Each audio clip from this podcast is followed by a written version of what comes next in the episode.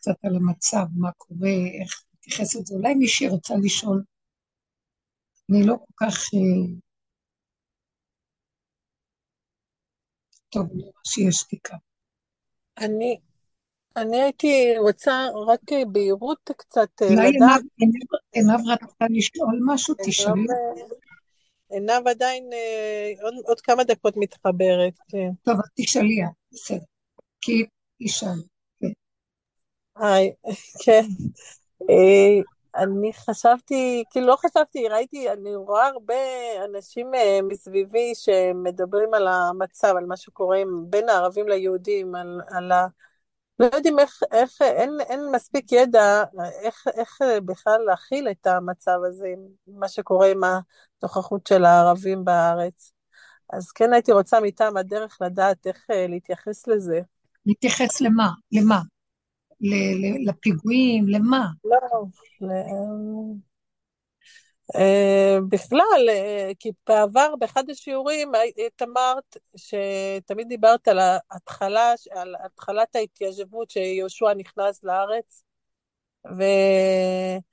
והיה לה, להם שלוש אפשרויות, מצוות שבני נוח לקיים, או לא למחוק אותם, או, או... ושם הייתי רוצה לדעת איפה, איפה זה, איפה קרה שהתבלבלנו, לא, לא, אנחנו לא המשכנו את מה שהתבקשנו לעשות. כאילו, איך הגענו למצב הזה? כן. שהם, שהם רבים פה, ואנחנו... אה, איך חוזרים למצב הראשוני? כן, זה, זה באמת אה, שאלה ש...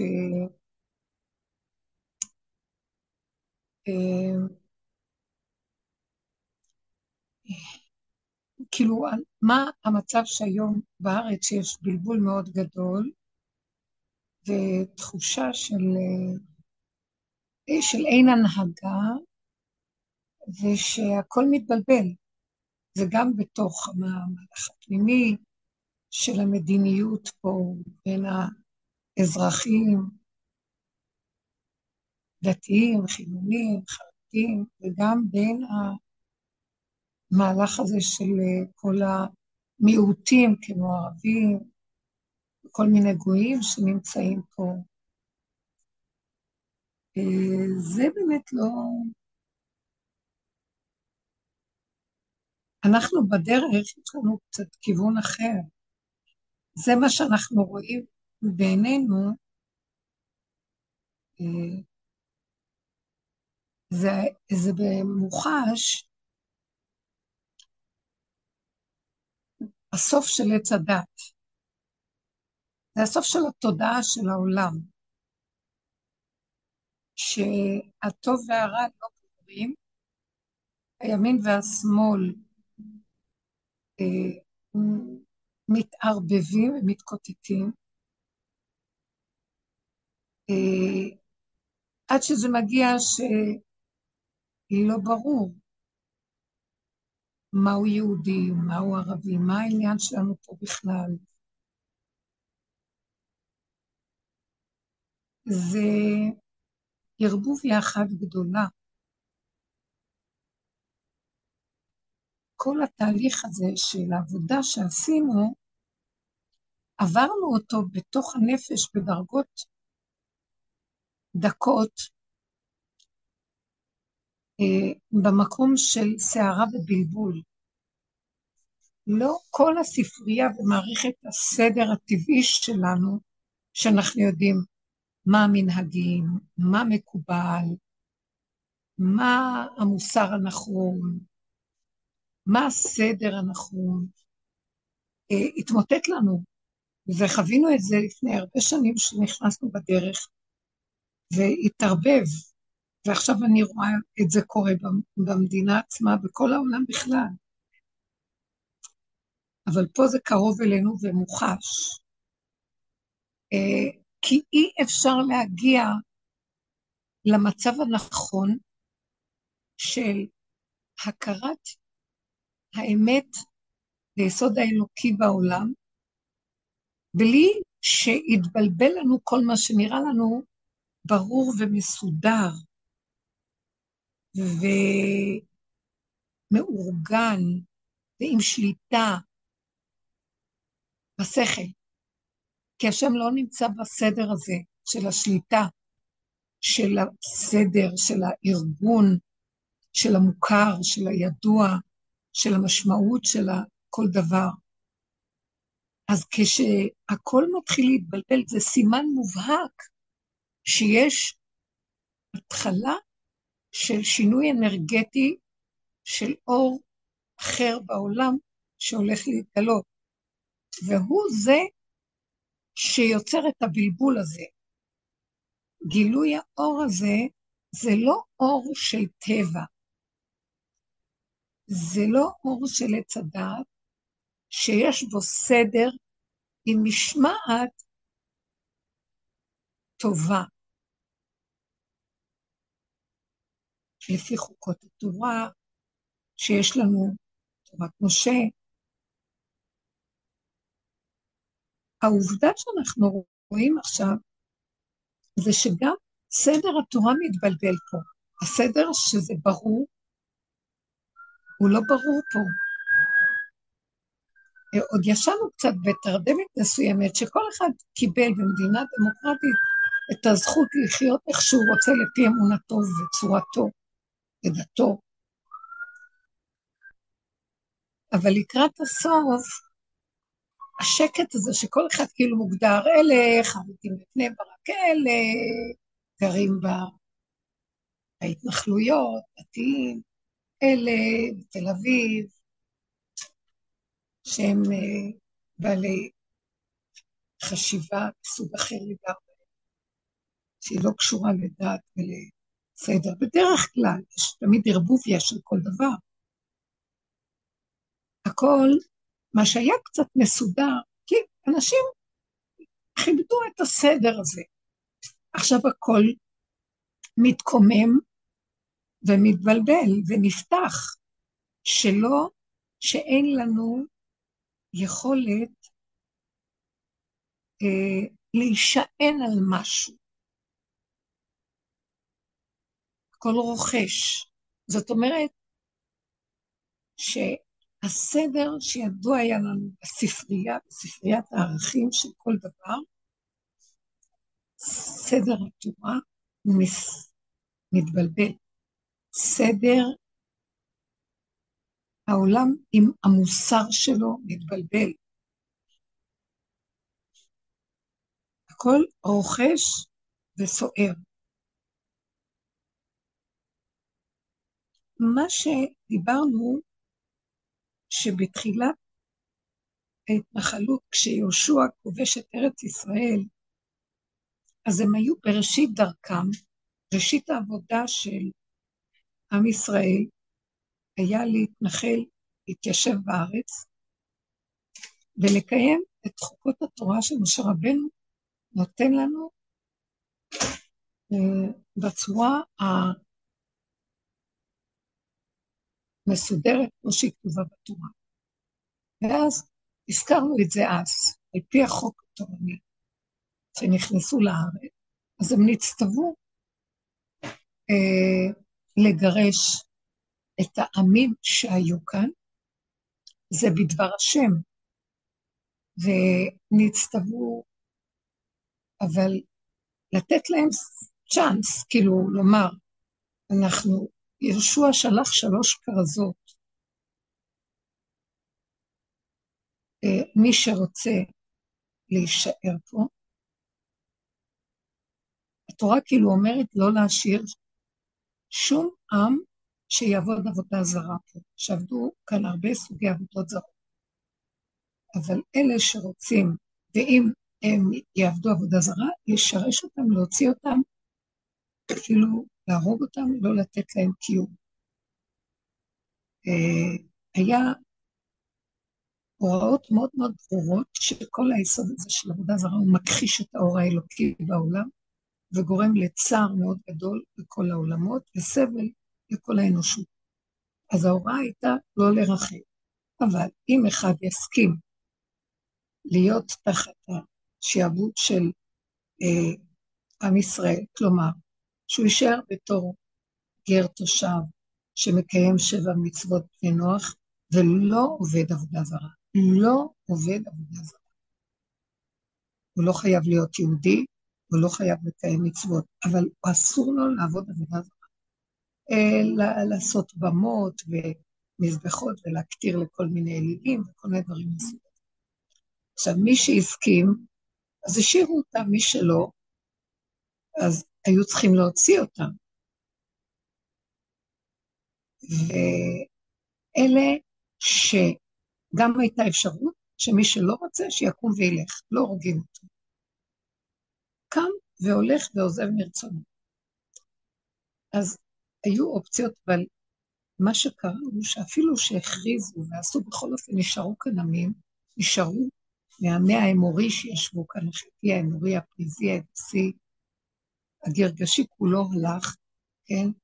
הכנעני, אה, פלישתים, נשארו ולא שרשו אותם ולא הקפידו עליהם, ואז הם צררו אותם צרות רבות, היו עושים, היו מתקיפים אותם והיו אה, שורפים להם שדות ונלחמים בהם ומשעבדים אותם ומציקים מאוד מאוד שישבו בארץ ישראל.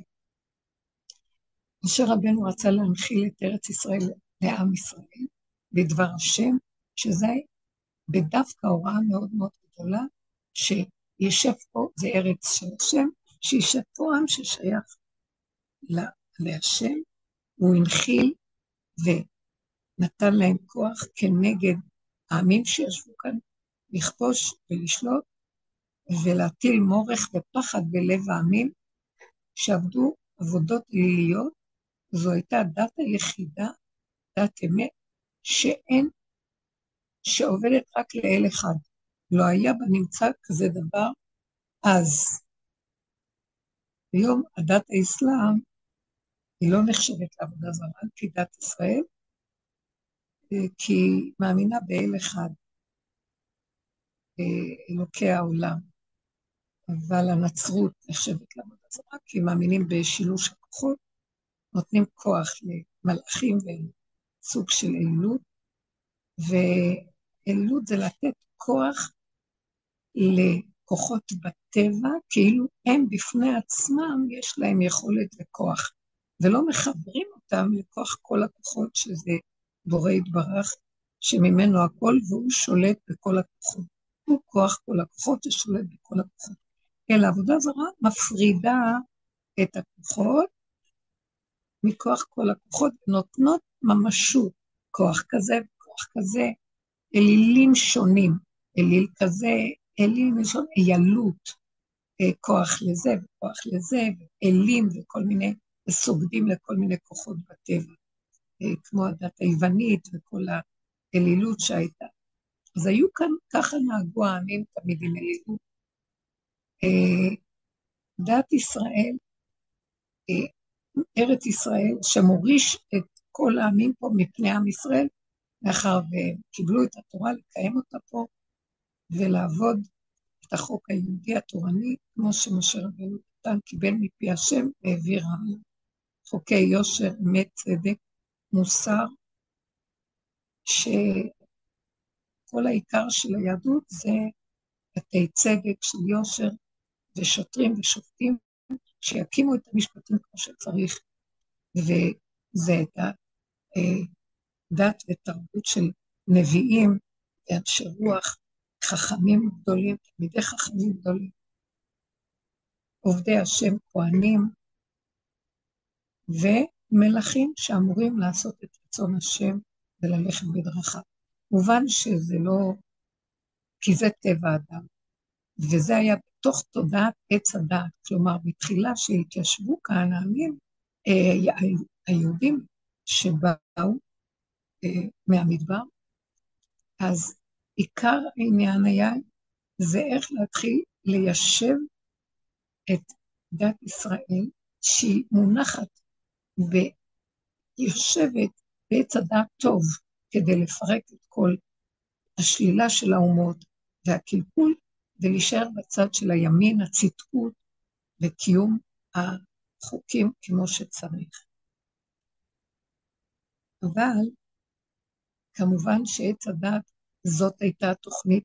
בתוך התוכנית הזאת היו צריכים לאט לאט למגר ולשרש ולפרק את הקליפה של עץ הדת על ידי קיום שנוטה לצד הימני, לצד של החוק היהודי התורני. אבל לא יכלו לעמוד בזה, וריחמו והשאירו כלמים, ואז היו להם לצנינים וגם למדו מהם, והתערבבו בהם, והתערבו בגויים, והתערבו במעשיהם, ואז היו חורבנות, וגלויות, וצער, והיה קשה מאוד בארץ, גם עבדו עבודה זרה, מלכים שעבדו עבודה זרה, מלכים קשים, כמו אחאב, מנשה, וזה ירובעם בן נבט שהוא החטיא את עם ישראל, והוא הזיז בגלל הגאווה שלא רצה שיעלו אה, עם ישראל לירושלים ויראו את מלכי בית דוד יושבים בעזרה, והוא, כאילו הם, מלכות של ישראל תעמוד, התפצלה מלכות לשניים, ישראל ויהודה. ואז הם יעמדו, ואז הוא החליט להסב את ליבם של ישראל והקים עגלים באזור הצפון, ואמר שיעלו לשם להקריב קורבנות, שזה אסור על פי דין תורה, אה, רק בירושלים, מקום שהשם בחר, שזה בית המקדש. בכל אופן, לא עמדנו במקום הזה והיו חורבנות, ויצר ורוב. אחרי הרבה הרבה שנות גלות, אה, קיבוץ גלויות מאוד גדול, אחרי חורבן בית שני, אלפיים שנה ויותר, עם ישראל, חזינו במשך 150 שנה האחרונות, 100 שנה האחרונות, אה, שיבת ציון וגם הקמת מדינת ישראל 75 שנה, שבעצם אסור על פי הדין ליהודים היה לקום ולעלות לארץ ישראל אה, על פי הרצון האישי שלהם, אלא רק שיינתן רשות לכך.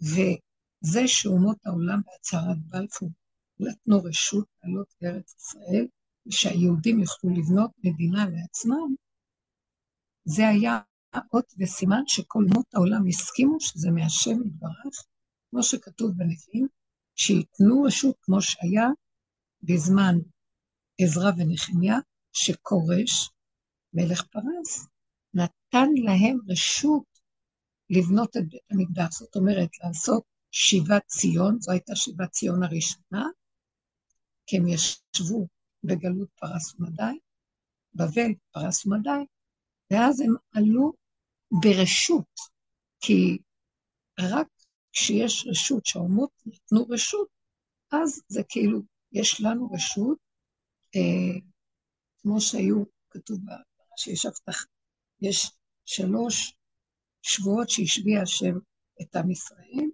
שלא ימרדו באומות ולא ילכו בכוח נגד האומות שהם נמצאים בזמן הגלות, אלא רק ברשות יעלו, לא בכוחנות, לא בכוחי בעצם ידי, אלא זה שייתנו כוח. אומות העולם ייתן את הרשות לעם ישראל, זה סימן, שימו לב, אני רוצה לגוע בנקודה הזאת. שעם ישראל ראוי ורשאי לחזור לארצו. הצהרת בלפור הייתה הצהרה כמו כורש בזמנו, שאמר, יהיו, רוב היהדות הייתה אז בגלות, חכמים וסופרים, נביאים גם, חזקאל הנביא, מרדכי ובית דינו שהיה בפרס, היה גם נביא, והם קיבלו רשות לעלות ואז מהרשות הזאת התחילה שיבת ציון הראשונה, לא כולם עלו, והוא נתן רשות לבנות את בית המקדש, ובספר עזרא, או נחמיה, לא יכול להיות עזרא, הוא כותב כורש משיחי. השם מדבר על כורש כאילו משיחו. זאת אומרת שהוא נתן לו, הוא משך אותו כמלך, וכורש הכיר שהשם שאלוקי העולם נתן לו כוח למלוך, והוא היה לו יראה מפני האלוקים, והתיר להם לעלות, הוא קורא לו שם הלשון קורא כורש משיחי, שהתיר להם לעלות ולבנות את בית המקדש. גם הצהרת בלפור הייתה התרה אה, לקום ולבנות את בית המקדש. ובית המקדש נבנה על ידי עזרא ונחמיה, הבית השני, שהיה על ידי נביא, לא היה מלך, כי בית המקדש צריך להיבנות על ידי מלך ונביא, או אחד מהם.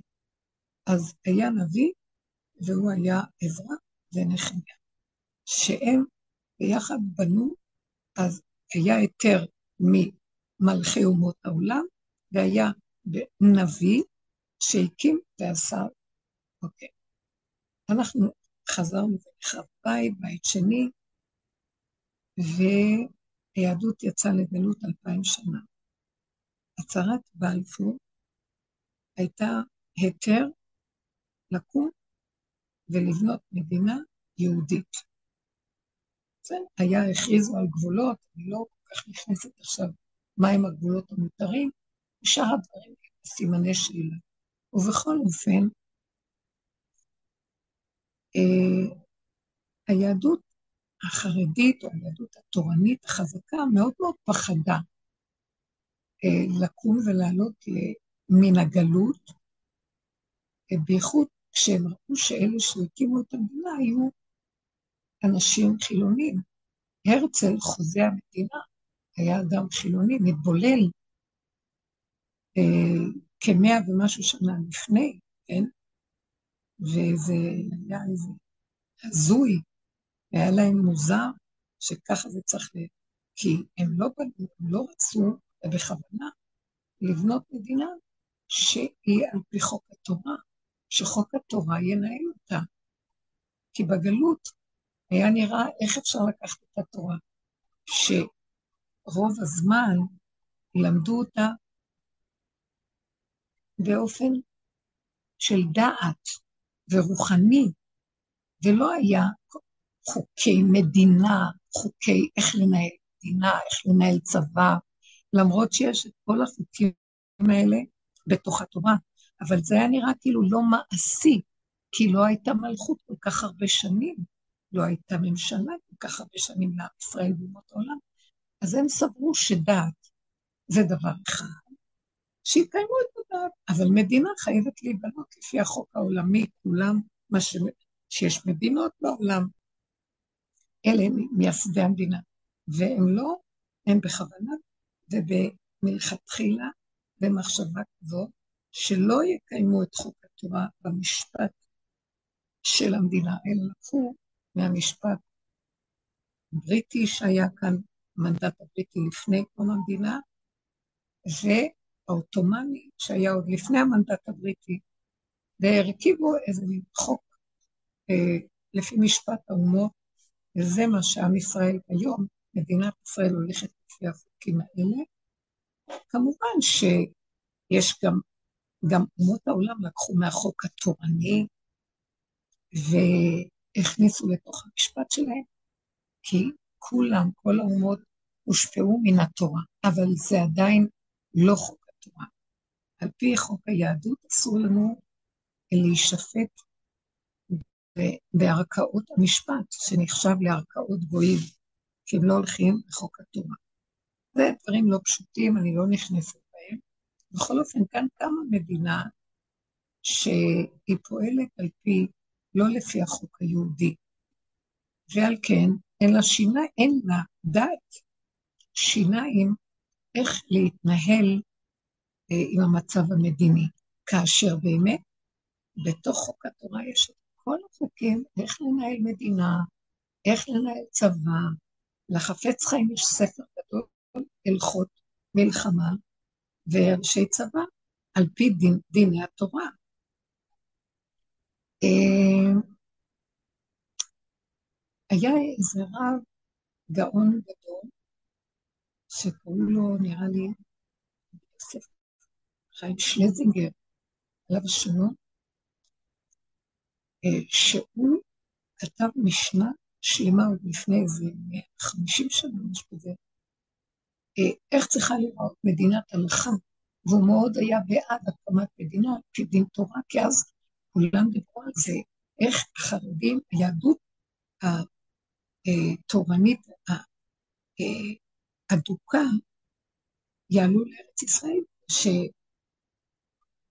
שציונות היא לא הייתה פשוטה, מהפחד שלא יקיימו את, את, התור, את, התור, חוקות התורה כמו שצריך. כמו שאמרתי, מאחר וכאילו אין להם כוח להקים אה, מדינה על פי חוק תורה. אבל הוא חיבר חיבור מאוד מיוחד עם כיצד לקיים פה חוק, איך לקיים מדינת הלכה, מדינת תורה. מדינה, זאת אומרת, התורה היא לא רק טובה לרוחניות, אה, דת לחוד, מדינה לחוד. דת ומדינה זה שני דברים נפרדים, אלא התורה יש לה את הכוח והיכולת והשכל וההשקפה והחוכמה, כל המרכיבים, איך לנהל באופן מדיני מדינה. אפילו שלא נקרא לה בינתיים מלכות, אלא מדינה.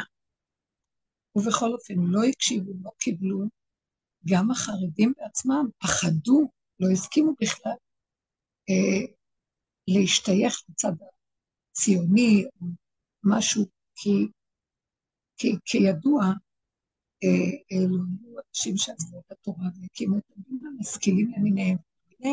היה מאוד מאוד קשה להם שכאן תקום מדינה שהיא כופרת בתורה.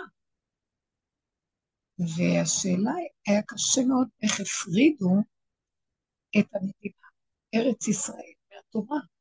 כי הלא כל מה שמשה רבנו חוזר, ותשימו לב, בספר דברים, פרשות חוזרות ונשנות, הוא חוזר פעם ועוד פעם, שכל העיקר שהשם מנחיל לנו את הגויים שבארץ ישראל על מנת להתיישב במקומם ולנחול את נחלתם ולקבל את מה שהם זרעו וחרשו, רק בתנאי שילכו בדרכי השם, קיימו את חוקות התורה.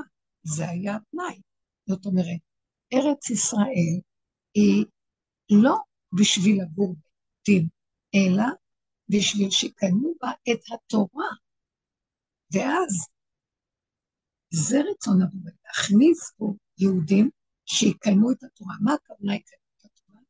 יכניסו לתוך תרבות בדרך שלנו, יכניסו לתוך, זה בשפת הדרך, יכניסו לתוך התרבות, התרבות של עץ הדעת, שישבו פה עמים, והיה כאן הפקרות גדולה, עבודות זרות, חוסר מוסר, כל אחד איש הישר בעיניו יעשה לפי החוקים של דעתו, והאינטרסים שלו, אה, ובמקום זה לשרש את כל זה ולהכניס פה אה, את חוק האמת, חוק מוסר הנכון, חוק צדק היושר, והנהגה האלוקית שהיא הנהגה ישרה פה.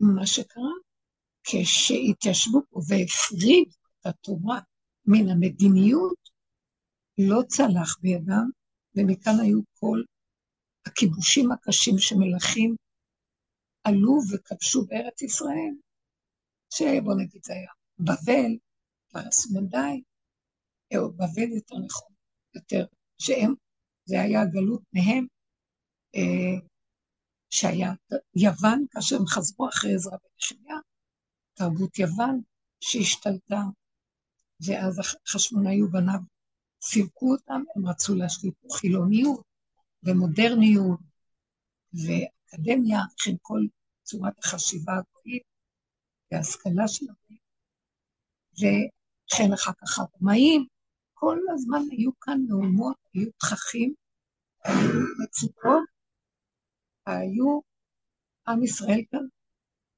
היה במצב קשה בכל הדור. מלך כזה עולה, מלך כזה יורד, גם המלכים התערבבו בתוך כל הדבר. מעטים המלכים הצדיקים שמלכו, מלכי בית דוד, מלכי בית ישראל, שיצאו מירובעם, היו הרבה יותר קשים.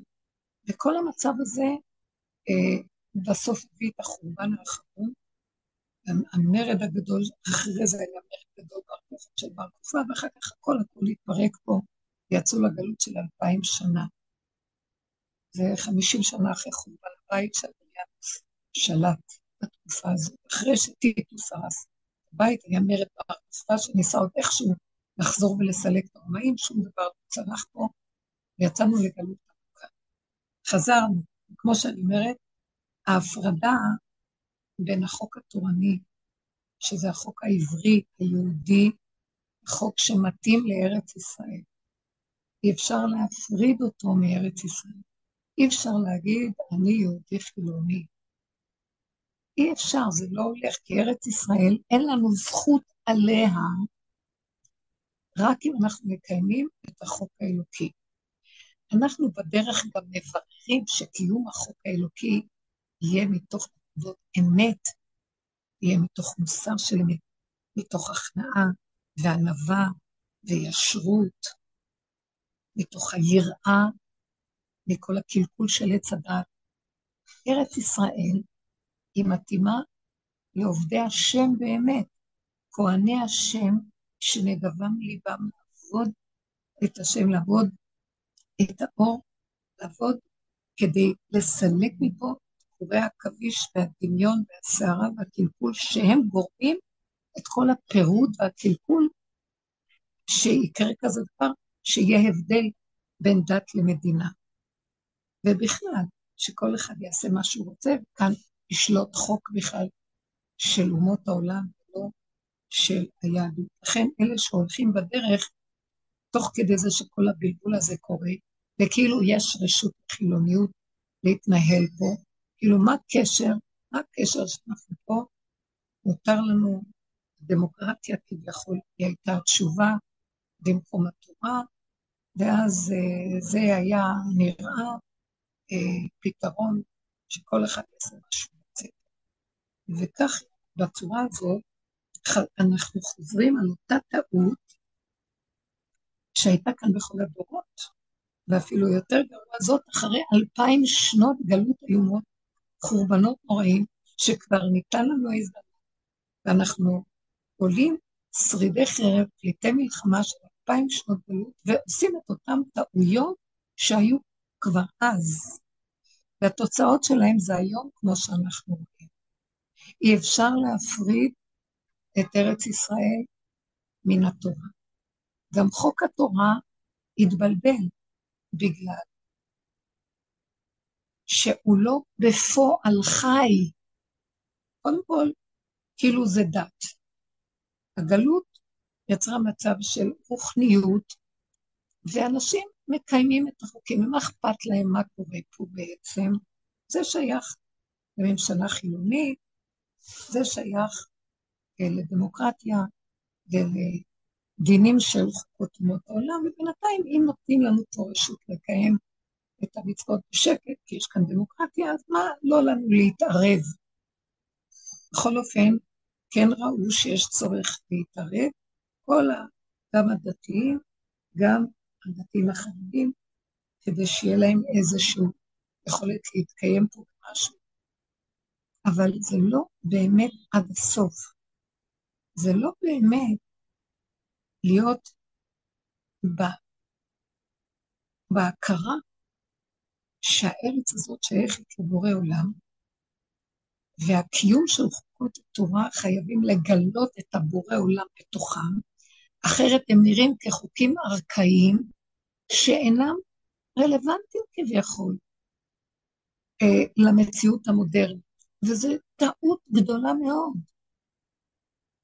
כי חוק התורה, בגלל שלא הייתה מדינה, באמת הוא נהיה כביכול רוחני, ונהיה אה, למדני, ונהיה אה, ספרייתי, כי אין לו שיניים לקיים את זה הלכה למעשה. כשיש בתי משפט שהם דנים בנושאים הכספיים בדיני ממון, אז אין שיניים לחוק היהודי, בחוק היהודי באמת יש בתי דינים, ואנשים שהם הולכים אחרי בתי דינים של התורה, הולכים לדון שם, אבל אין לבתי הדין כוח, אין לו כאילו שיניים. חושן משפט, כל ההלכות האלה שקשורות לממון. זה בתוך בתי הדינים הפנימיים, אבל גם המדינה לא מקבלת אותם. אז מי שכפוף לחוק בתי הדינים, אז נקבל עליו את הדין. אבל אם לא רוצה שלום, יכולים גם ללכת ולערער בבתי המשפט של המדינה. אז כאילו אין לו שיניים וזה מתסכל, וכאילו יש משהו שניטל הכוח המעשי כביכול מהחוק הטוב. והוא נחשב רוחני, וזו הטעות הכי גדולה. אז נוצר מצב במדינה שדת נפרדת, וחוץ מזה יש מדינה, והמדינה מתנהלת לפי דוגמאות של חוקות האומות והנהגות פוליטיות של אומות העולם, ואין ייחודיות, ולא ניכר המעלה של עם ישראל, ש, שמעלתו היא בחוק המיוחד שיש פה, שממנו, דרך אגב, כל חוקות העולם קיבלו, כל הדתות, דת הנוצרי, דת האסלאם, קיבלו, אה, להבדיל אלפי הבנות מדת ישראל. דת ישראל הביאה נאורות לעולם. ובכל אופן זה עדיין לא לקחו ממנה משהו.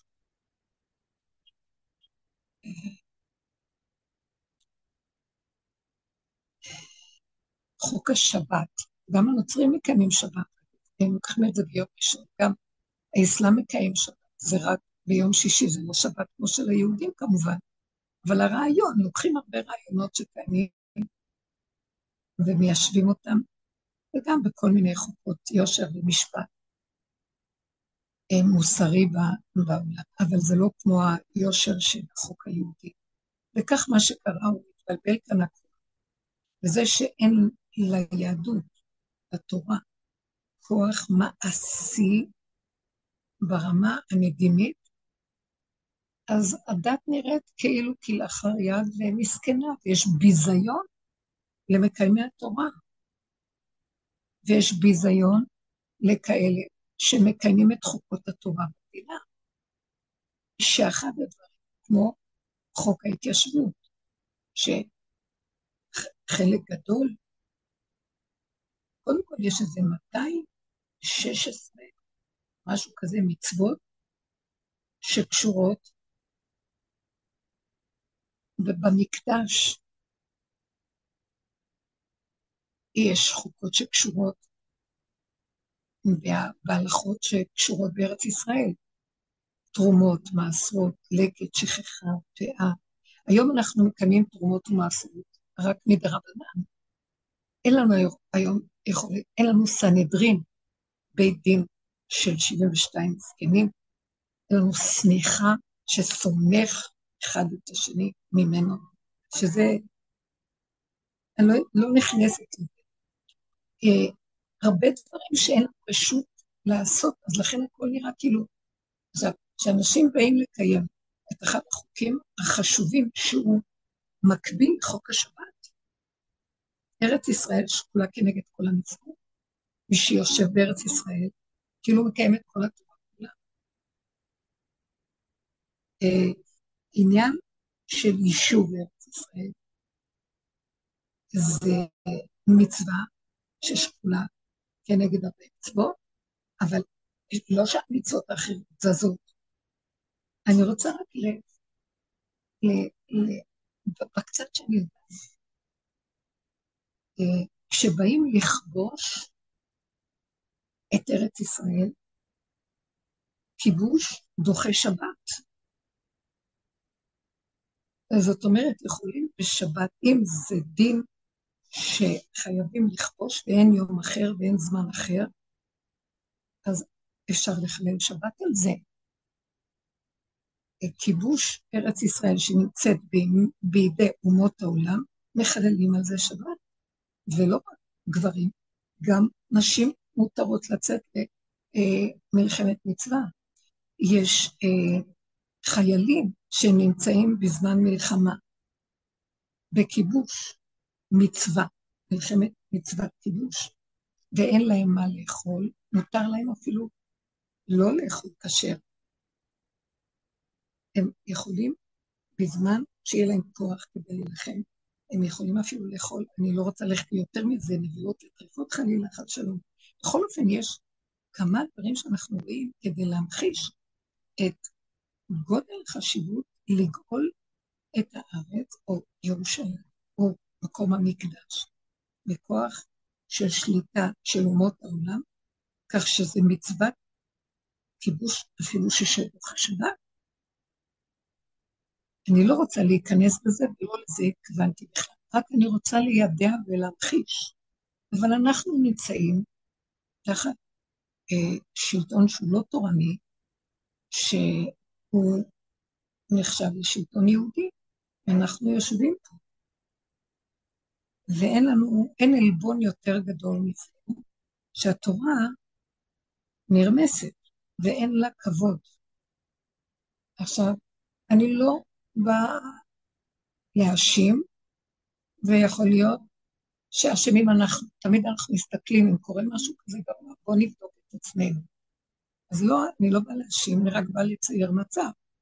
והמצב הזה שאנחנו רואים היום, שיכולים לקום קולו ולאפשר שבשבת יהיה כאן נניח, לכם על זה שבשבת יהיה כאן תחבורה ציבורית, או שיעבדו בשבת של הרכבות, כל מיני דברים, אני לא שומעת מפה ומשם. זה לא היה מתקבל על הדעת במדינה שחוק שלה לשמור שבת. עכשיו, יש כאן פחד גדול מאוד של אותם שקרה משהו. בכל, בכל הזמנים היה סטטוס קוו מסוים, שכן כיבדו את אלה שלומדים תורה והבינו שיש חלק שלומדים תורה והם פטורים משירות. השיגו את זה עוד בזמנים הראשונים של קיום המדינה, אה, שיש כזה הסכמה, וכן כל מיני מצבים שיש.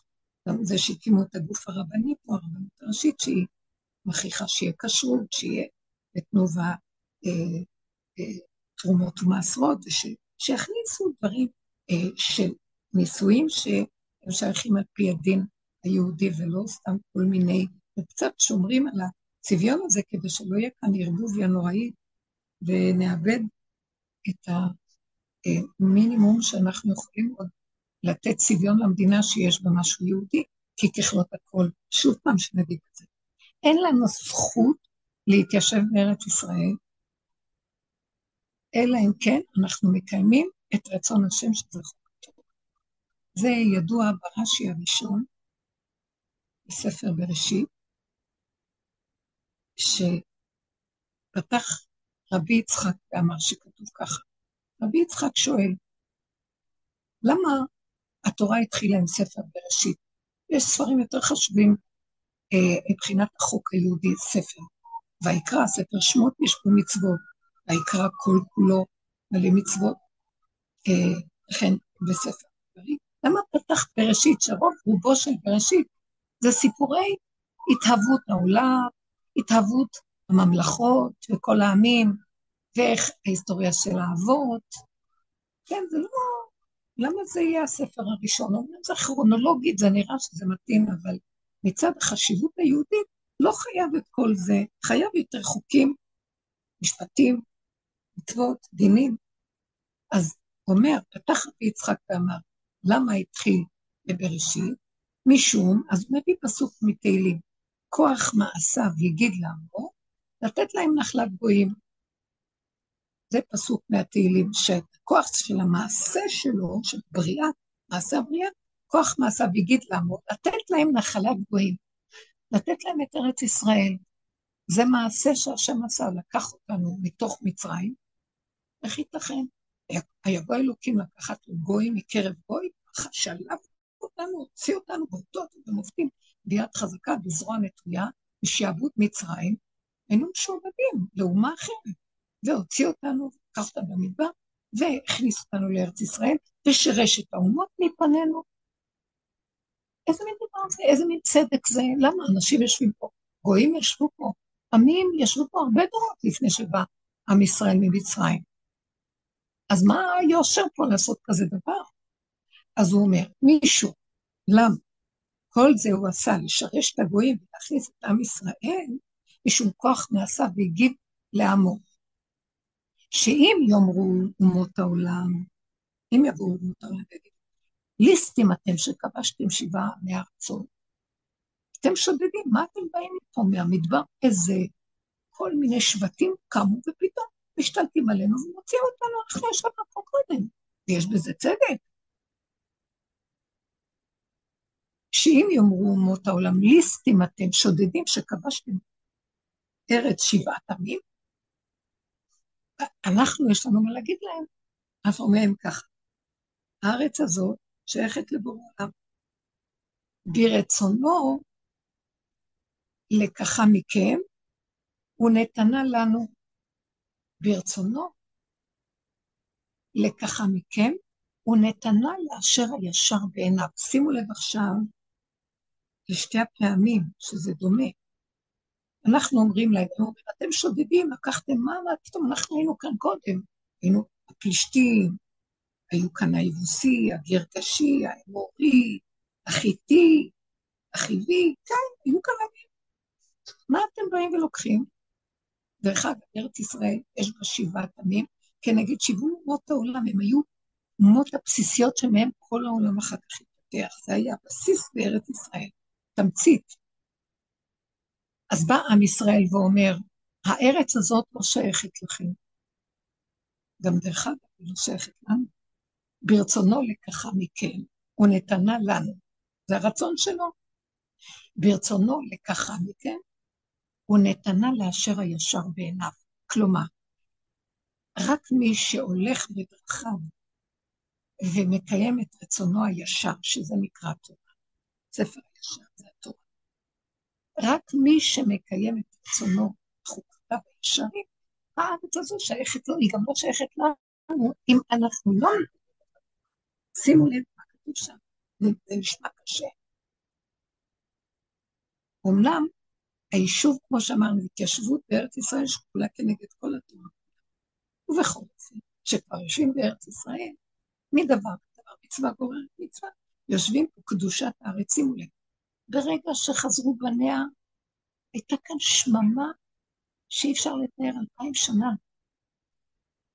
גם שהיו כאן המוסלמים שכבשו, ואחר כך עות'מאנים, זה הממלכה האסלאמית המשיכה וכבשו אחד את השני, הם לא היו רבים פה, היו מעטים שישבו כאן, והארץ הייתה רובה שוממה.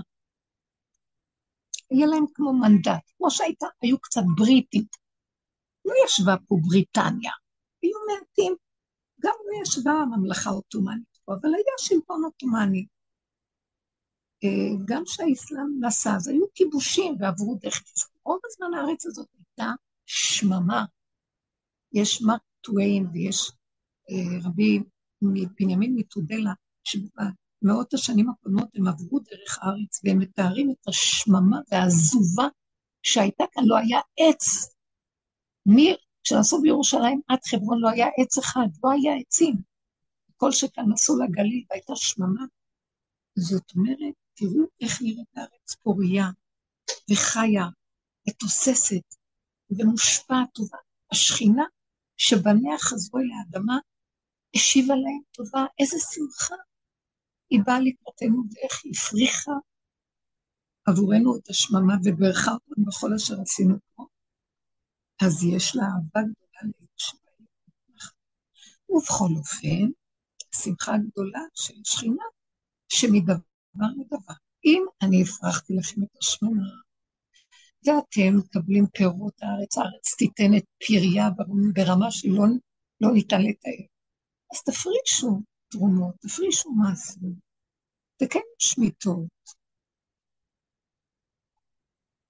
תעשו לי נחת רוח בחוקות של התורה, זה חוקות, האדמה מקבלת את שלה כאשר שומטים אותה, היא שמחה, זה כמו שבת כל השבוע. ואז יש, יש את יום השבת, כל השבוע הזה, שישה ימים, עושה מלאכה שייך לאדם ולעמלו. עץ אדם. שבת זה גילוי השם בבריאה. שמיטה זה גילוי השם בשנה הזאת, ששומטים את הכל ולא פועלים על פי סדר החוק הרגיל של השעבוד של האדם לפעולות של הטבע. אז השכינה שמחה בזה. כתוב גם, למה אה, הגלות הייתה בעוון ביטול שמיטות, על כי לא שמטו, גם בזמן שישבו לפני חורבן בית שני, לא שמטו את השמיטות, לא הלכו בחוק השמיטה. אז בעוון הזה, גם הקדוש ברוך הוא סילק אותנו 70 שנה כנגד גלות בית ראשון, כנגד שמיטות שלא שמעו, וכן אני לא אתן לזה. זאת אומרת, שכינה, שזה מקום מושבו של השם, האור האלוקי ששוכן פה, של השם, הנציג האלוקי, ש, של מלכות אור אינסוף, שהמשכן שלו זה ארץ ישראל בגש מפה, אנרגיה האלוקית, מסה של אנרגיה אה, עדינה ודקה, שהיא מלאה חיות, שממנה כל העולם מקבל, אם אנחנו לא נותנים לה החוקים שתומכים בה, אה, לאפשר לכוח שלה להשפיע לנו טובה, אם אנחנו לא נותנים, אז מה נהיה פה? אם לא הולכים בחוקות התורה הישרים של צדק ויושר, של דיני ממונות, אז המשפט המעוקל, שהוא לא משפט אמת, כולם יודעים. הרבה אומרים לעצמם, הכל מבולבל גם בבתי הדינים והמשפט, כי החוק הוא לא חוק מדויק של חוק התורה.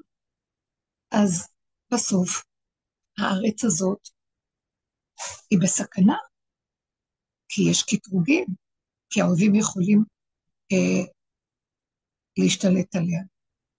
כי השם רוצה שיעשו משפט, צדק ויושר.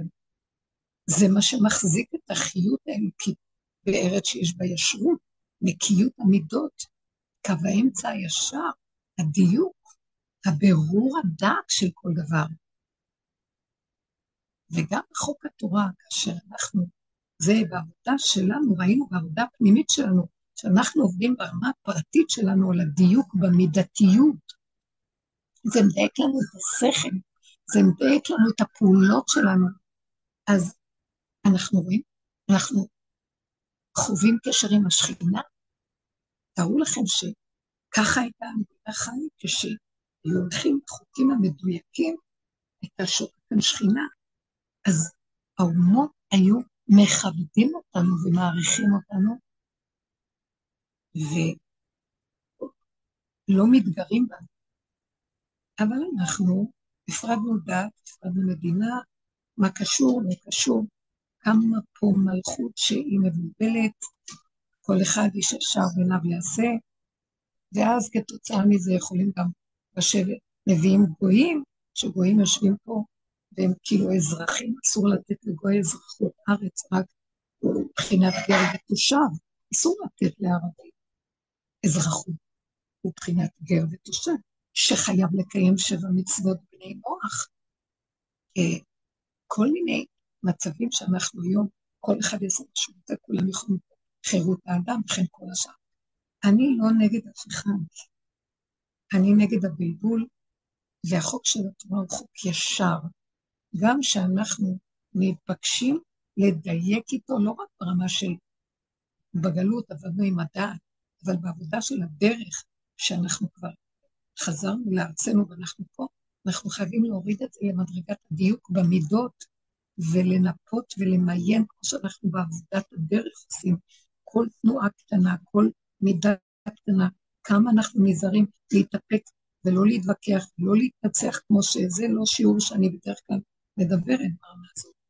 אה, כי שמא אני, הגאווה שלי תצא החוצה, שמא אני אחשוב שאני יותר צודק מהשני.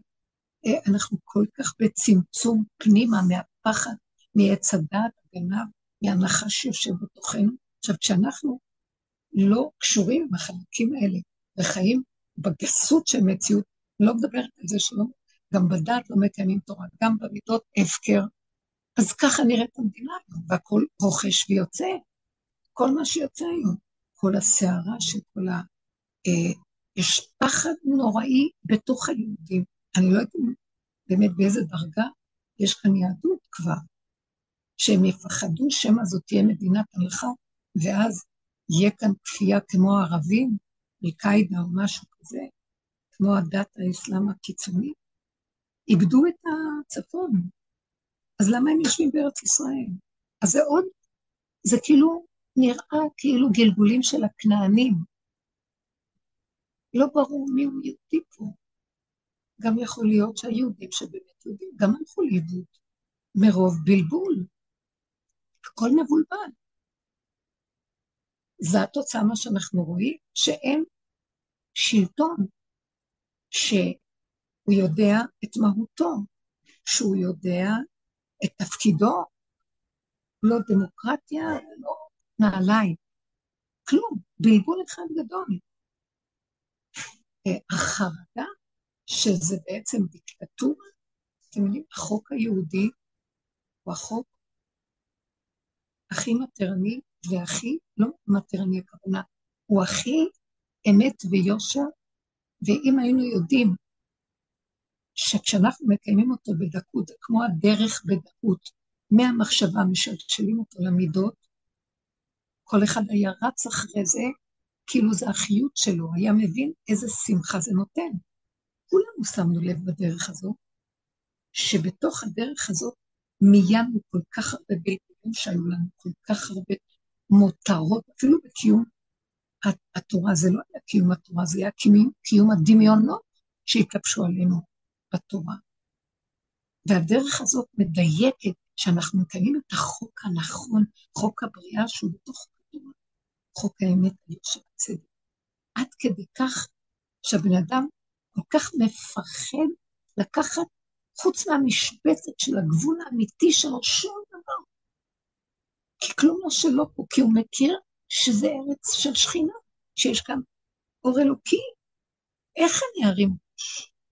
אתווכח, אריב, אתנצח, אקח מה לא שלי. הכל מבולבל פה. אז הדרך הזאת הביאה אותנו, אני הרגשתי שאני מקיימת את התורה ברמה אחרת לגמרי, בדיוק, כאילו אני, זה תורת משיח, זה שתורת הגלות היא כהבל בפניו. כי יש בה אמת ויושר, ומהמחשבה זה יורד עד למידה, וידעת את השבות האלה בך. הכל ברמה שתוצאה היא מדרגת היחידה, שקט, כבוד לכל מה שזז. אני מפחדת לדרוך על נמלה. אה, אה, הכל, כל מה שלא עושים, אני אומרת, זה המצווה הזאת. זה המצווה הזאת. זה לבד קופץ לי. והכל בכזה שקל ופנימי, בלי צעקות, בלי כפייתיות, בלי להסתכל על השני מהו לעומתי. אין, זה, זה פסול. חוק התורה, חוק האמת והישרות, שמגלה שבתוך האדם עצמו שוכנת שכינה. משם החוכמה שלו נובעת, משם הנבואה נובעת, משם ההצלחה והברכה. הוא לא רוצה לחמוד, הוא לא רוצה לקחת מה שלא שלו. גם מה ששלו, אין לו תחושה של שייכות ובעלות על כלום. תגידו, יש חוק יותר ישר מזה? אמונה פשוטה של על מי נבוכות, כי עד אליך הכל יגיע בכבוד, ארץ אשר עיניה של אלוקיך בה. מראשית שנה ועד אחרית שנה, לא תחסר כל בה, מהרריה תחצוב נחושת ומאבניה ברזל. זו ארץ האלוקות. כל האומות רצו לכבוש אותה כי יש פה שכינה. כולם שאפו לגבירה הזאת, בת מלך שיושבת. איך אנחנו יושבים פה, ואומות העולם שולטים? ביזיון לתורה הקדושה, ביזיון למלכו של עולם, שזו הבירה שלו, שזה המקום שהוא בחר והשכין עצמו פה, ואחרי כל כך הרבה דורות של גלות, באנו לכאן וככה אנחנו נראים. אין ביזיון יותר גדול ועכשיו זה שיא הביזיון. שכל אחד יכול, דם ישראל הפקר כמים, כל אחד יכול לראות בו ונגמר. אז אה, תולים את זה שגרים בשטחים, גרים בשומרון, אבל על פי הגבולות של התורה, גבולות מטות מסעי, שלא נדבר על הגבולות הרחבים שהשם הבטיח לאברהם, אנחנו עוד לא מדברים על זה שזה עד החידקל ועד הפרת ועד נהר מצרים וכל הצפון עד הלבנון. לא מדברת על רכבים, אבל גבולות מטות מסעי, יש בתוכם את השמות, יש בתוכם את, את חלק של בנימין, של אפרים, כל השבטים ישבו והתנחלו פה. אז כשאנחנו באים, אה, אנחנו כבולים, ודם ישראל נשפך כמים. אני תמיד לוקחת את זה, אין לי טענה על כלום, רק אני מסתכלת ואומרת, אבל אשמים.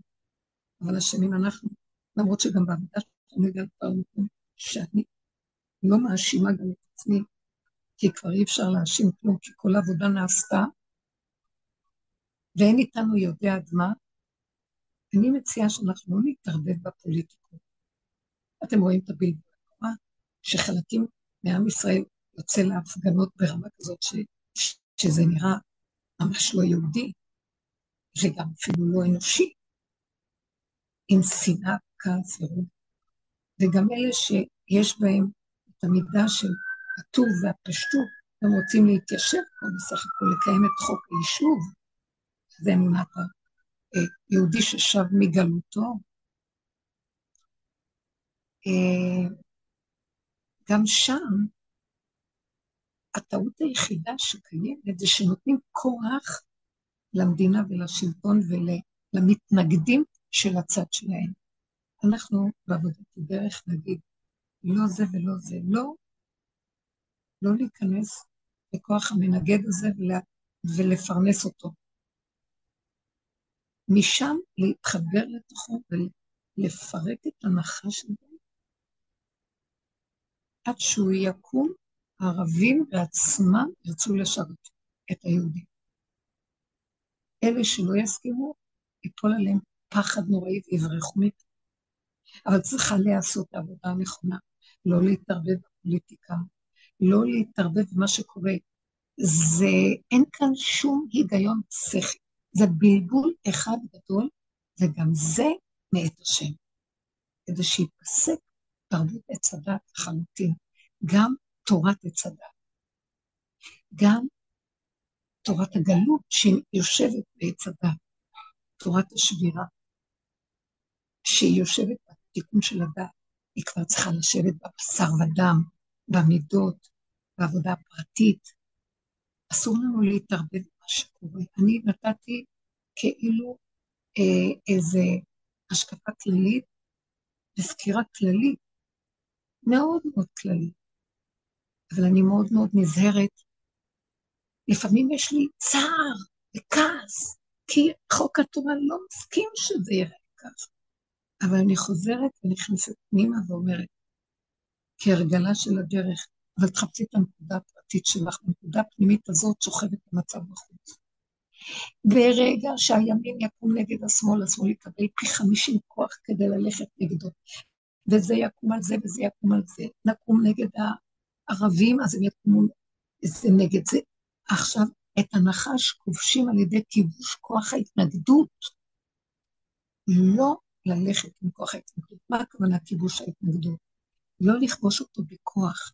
גילוי השם והנהגת הגילוי האלוקי העליון, שרוצה להתגלות באור החדש, אסור שיהיה כוח לאדם שם, כי כוחי בעוצם ידי לא מאפשרת לו להתגלות. זאת צריכה להיות הכנעה. זה לא הכנעה לערבים, זה לא הכנעה לשמאלנים, זה לא הכנעה לבלגן. זה לאשר שזה קיים, לקחת שיש כאן בלגן גדול, נכנסנו למערבולת ולהיכנס בה בתוך הנפש בפנים, זה לא הם ואנחנו בסדר. זה כולנו באותה קלחת, אבל מי זה שהוא יס... מיסודו של משיח ונושא כליו, שייכנס פנימה בלי דעה, בלי התלהמות, בלי שייכות, וייכנס בתוך הבלגן הזה ויעבור לצד השני. כביכול נכנע, לא בכוח, לא בהתלהמות דעתנית ובשיח קולני ותקשורתי השקר הזה, אלא גם לא להגיד, טוב, זה לא קשור אליי, מה קשור אליי? אני לא פוליטיקאי, אני לא שייך לכלום, אני בדלת שלי. זה בריחה החוצה לכוח וישות, וזה גם בריחה. אנחנו נכנסים תוך כדי שאנחנו לא מוצאים אנרגיות בחוץ של דעת והרגשים, אנחנו נכנסים פנימה בתוך המצב הזה, פנימה, פנימה, פנימה, ועוברים למתרס השני. זה הדבר הכי קשה בעולם. לקחת את כל מה שקורה, ולא להוציא אותו החוצה, אלא להיכנס פנימה ולא לראות ערבים, ולא לראות שמאלנים, ולא לראות ימנים, ולא לראות כלום, רק לראות, לא לתת לדעת להגדיר, רק להגיד לו, אבא, הכל שלך, תיכנס, אני כלי שלך. תיכנס, תעביר אותנו את המדוכה הזאת. תוציא אותנו לאור, תוציא אותנו מהבלבול הנורא. שחרר אותי מהמערבולת. נכנסים בתוך המערבולת מים, ועוברים דרכה, בלי שייכות של פעולה וכוח. תבינו מה אני אומרת. כי רק משם תתעורר ישועה. משיח מתגלה דרך זה, והוא לבד. האור הזה, לא יודעת מה זה משיח, אני יודעת שהאור הזה, אני תמיד במושג שלי זה אורו של משיח. לא מחפשת דמויות, כי אני בסכנה.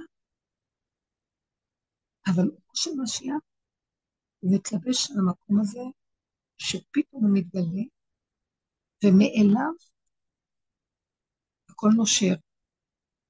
מאליו ההתנגדות של הנחש טיפול.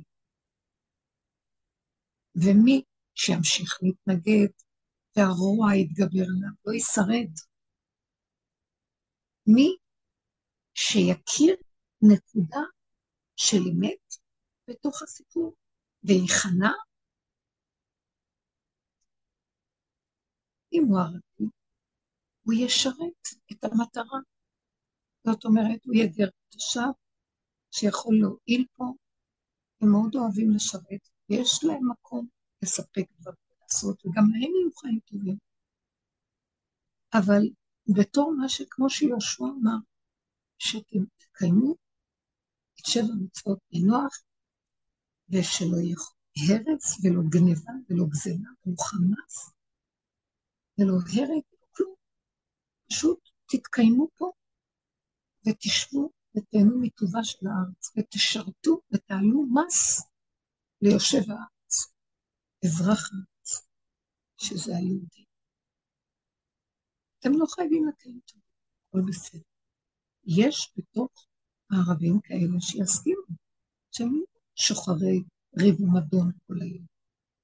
אבל אלה שהם מונעים מהשנאה, הקנאות, שהיא נותנת להם, מזרימה להם את האש בדם, מזה יש להם חיות, מההרג והחורבן, ועל חרבך תחיה, רציחה, הם לא ישרדו, השם יפיל בליבם מורך כל כך גדול, פחד, שהם יברכו כוח בהם. זה יקרה. הם ייעלמו מפה. מאליו הכל ייעשה. נטע ונחסה, תחכו ותראו. אבל זה תלוי אם אנחנו נותנים את העבודה הנכונה. יש צער, אי אפשר להימנע משהו. אה, אבל בכל אופן, כשיש לי צער, אני לוקחת אותו פנימה, ואני מכניסה אותו למקום של לא להרים ראש איתו, רק להיכנס פנימה ולהעביר את זה להשם, תיגל את עולמך. אנחנו, אין איתנו בתי האדמה.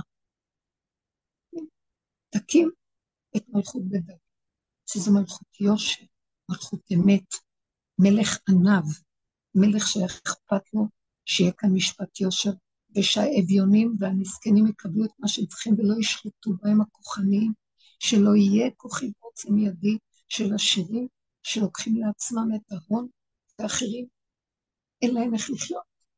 הוא לא התיר כזה דבר, התורה לא מתירה את זה. שיהיה ישרות, שיהיה חסד, שיהיה אהבה ונתינה, ואהבה תלויה בדבר, גילוי מלכות השם. אז אנחנו רואים מצב קשה מאוד.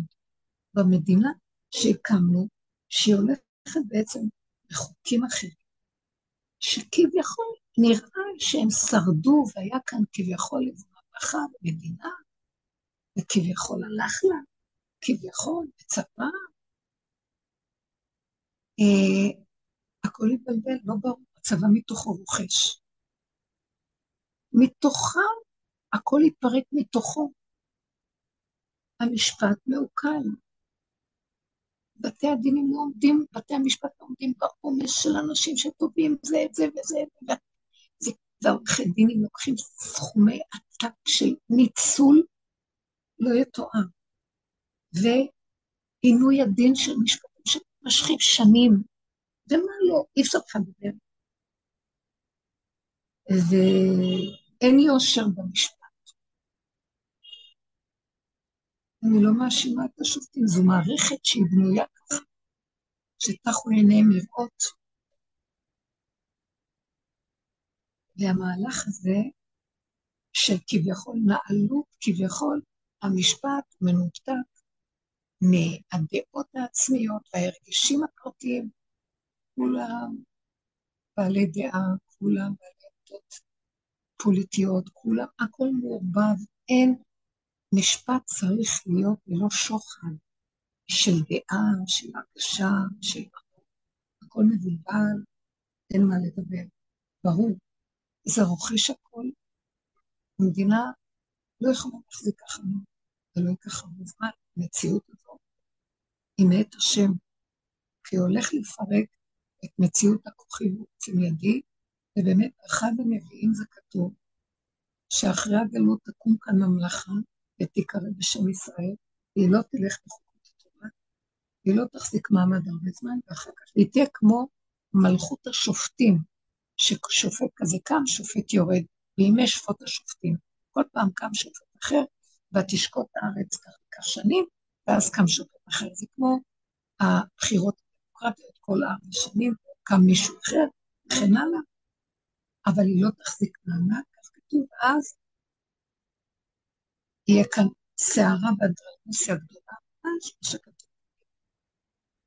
ואז גם את העולם יכולים לקחת, ינצלו את המצב הזה, והכל רוכש, אה, כביכול קואליציית עמים שתרצה לשלוט במצב, ואז יהיה משהו.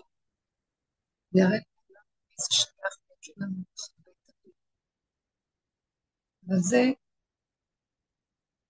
אה, מהלך שאנחנו רואים אותו עכשיו תוסס מול העיניים שלנו, הכל בפנים רקוב, והסדר שנראה כאילו סדר של עץ הדעת, כאילו הכל בכף דמיון, מתחיל להתגדל במערומיו, אין יושר, אין אמת, שערה, בלבול,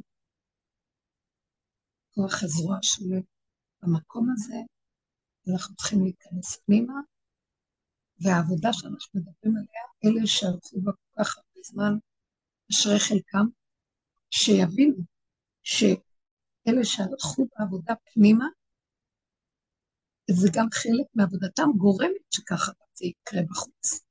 אנחנו משפיעים שכמו שאצלנו הכל נהיה אנדרלמוסיה ובלבול, נכנסנו בתוהו ובוהו הנורא של הצבעים והמידות, של קליפת עץ הדת, אותו דבר עכשיו קורה במדינה, הכל מתפרק, וכל עין פשוטה מתבוננת ורואה. יש לנו סימוכים בנביאים שזה מה שיקרה, וסימוכים בעבודה שלנו, שברמה הפרטית זה מה שעבר. ברמה הפרטית הטוב והרע התגלגל בי. לא ידעתי אם כן או לא, לא ידעתי מה אני עושה נכון או נכון. לא כלום עד שאני אגיע למקום ש... אתם יודעים משהו? תכלית הידיעה שלא לדעת, תחפשו לדעת מה נכון, מה לא נכון בסערה הזאת. אל תחפשו להיות צודקים, מי צודק פה. אל תחפשו מעמד של סדר ואחיזה. נגמר הדבר הזה. אין. עכשיו יש רק רובד האמונה. אני לא יודע, אני לא צריך לדעת, אני מאמין שאתה שמנהל את כל העסק הזה, אתה רוצה להתגלות, וזה פירוק, כמו שאומרים, נפילת האימפריה, פירוק עץ הדעת. פירוק העמלק הזה, מחיית העמלק שהשם עושה עכשיו. פרשת ויצא אנחנו, כי תצא למלחמה. בסוף הפרשה אנחנו מצווים במחיית עמלק. פה זה כבר לא לנו המלחמה, לא לנו השם תן כבוד, כי אם לשמך, למה יאמרו עיין האלוהים, ואלוהינו בשמיים כל אשר חפץ עשה. השם קום ותתגלה, אבל הגילוי שלו צריך כלים, וזה שאנחנו הולכים בקו האמצע, ולא בסערה, ובערבוביה הדעתנית שלה, או הרגשית, ושנגיד, גם אנחנו כאן יש לנו, בוודאי שלרגע אחד, הרגע שלי, אני בכאבים, רגע אחד יש לי בהחלט מה להגיד, אבל אני נזהרת מזה מאוד. לא, אני לא מחפשת, אבל התורה צודקת, אבל היינו צריכים, לא, אני רק נתתי סקירה פה. גם זה הולך לצאת. כל תורת הגלות של עץ הדת, גם היא יתפרק ממנה הדעתנות, וניכנס למצב של מידות, ישרות, אמת, התמעטות, ענווה, הכנעה, דרגה אחרת שמתאימה לארץ ישראל באמת. עד כה אנחנו יושבים בארץ ישראל אחרי הקיבוץ גלויות והגלויות, ואנחנו עדיין לא יושבים בארץ ישראל באמת. זה היה רק הכנה, זה היה רק הקדמה. עכשיו התחיל להיות המהלך. תלמדו לא את ישועת השם. השם יתברך לא יעזוב את שארית הקליטה, ואנחנו צריכים להכין כלים. והכלי הגדול ביותר שאנחנו מכינים זה להיזהר מהערבוביה, להיזהר לא להתנגד למתנגד, כי רק כשאנחנו נכנסים פנימה ונאבקים לא להפעיל את המוח שהוא דעתן ומעורר את ההרגש ומעורר כוח, אלא מכניסים אותו פנימה ומביאים אותו לביטול, וזה כאבים, כי קשה, אבל בכל אופן את זה מעבירים להשם ואומרים לו, אבל תיכנס, זה שלך הכול. זה מה שהוא רוצה, שניתן לו את המנדט שגנבנו לו, אה, אם זה בטוב ואם זה בשלילה, כי אנחנו באמת לקחנו הרבה מהטוב ופירקנו אותו, וראינו את השלילה הגדולה, וגם את השלילה מחזירים לו, את הכל מחזירים לו. ואומרים לו, זה שלך, לא שלנו, אין איתנו יודע מה. תכלית הידיעה שלא נדע, לא נביע דעה, של עץ הדעת כמובן, ואז מבשרי נתחיל לדעת. ואז האמונה מתגלה. אתם יודעים מה זה אמונה? האדם יודע מבשרו, לא מדעתו. אה, אני יודע, יש לי דעה, אני חושב, לא, לא לי כאלה. כאילו האסימון יורד לבשר והאדם יודע. הוא יודע בשקט. הוא לא חייב להביע את זה בדיבור. והאלוקות מתגלה ככה שקטה ויפה. ושארית הפלטה שתישאר, כתוב, והותר בציון, קדוש יאמר לו. אה, יש דברים מדהימים שכתוב בנבואות, שהסערה הזאת תברר ותברור לה מתוך אה, כל הבלגן הזה. למי שייך באמת המקום הזה? אם זה של השם, אז מי להשם אליי? ואם זה לדעות ולכוחות, לא ישרד פה לא דעת ולא כוח. זו הנחלה של השם. וזה מה שכתוב בפרשות הקודמות שקראנו, שכתוב ששבט לוי, כהנים וגם הלוויים, לא היה להם חלק ונחלה בישראל. הם לא נחלו נחלות, שיהושע חילק את הנחלות, אבל הם היו צריכים לחיות. איפה הם התיישבו? כל שבט נתן ללוויים חלק בפאתי הנחלה. בסוף הנחלות, מגרשים ששם הם ישבו. השם אומר, אתם לא נוחלים בארץ ישראל. כי השם נחלתכם, כי אתם עובדים את השם, את אישי השם, לחם השם הם אוכלים ומקריבים. אז הם שייכים להשם, אותו דבר.